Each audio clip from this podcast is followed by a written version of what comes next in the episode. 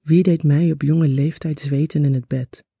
Met visioenen van de psychiatrische afdeling, meisjes die bezeten raakten van de man en de aanraking van de man en de aanraking van de vrouw waardoor zij beseffen dat zij een man willen zijn. Ik vrees de man en wil hem opeten. Maar ik vrees ook dat hij mij opgegeten heeft, dat ik ben geboren in de maag van de man of de ribbenkast of een teen, maar dat het ontsnappen uit zijn lichaam mij mijn lichaam heeft doen verliezen.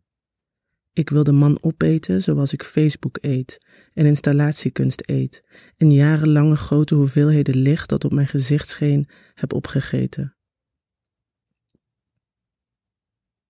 Ik hoopte de man op te kunnen eten, zo mijn zussen te beschermen, maar ik voel de resten van de man in mij knagen. Ze zijn op zoek naar een uitgang via mijn baarmoeder, mijn navel, mijn openstaande mond. Elke millimeter van mijn lichaam, van mijn denkend brein, is opgesplitst in twee kampen. Ik ben één snorhaar op de kin gevallen naar een poging tot eenwording, en de poging tot eenwording heeft gefaald. Alleen mijn silhouet lijkt te kloppen. Ik zal wegspoelen in de doucheput of ik zal verkruimelen. Ik zal verdrinken of stikken in de wollen trui die uit wordt gedaan ter vergemakkelijking van copulatie. Intussen zoek ik naar elektriciteitsmasten waaraan ik mijn gekrompen lichaam uithang, oplaat, samen laat smelten, want mijn lichaam is meerdere lichamen. Ik heb behoefte aan een staat van zijn die mij onnodig en almachtig maakt.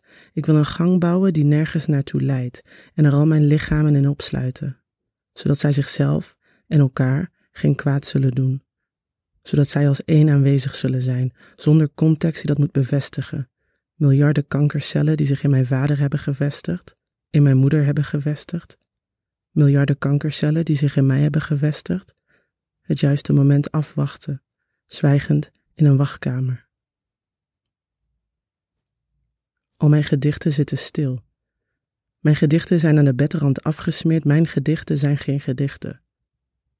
Ik ben een plas bloed die door een kleed heen sijpelt en van systemen tekst probeert te maken, de systemen vroegen: Wat kun jij doen nu jij dat weet? En ik was stil. Ik besloot op vakantie te gaan.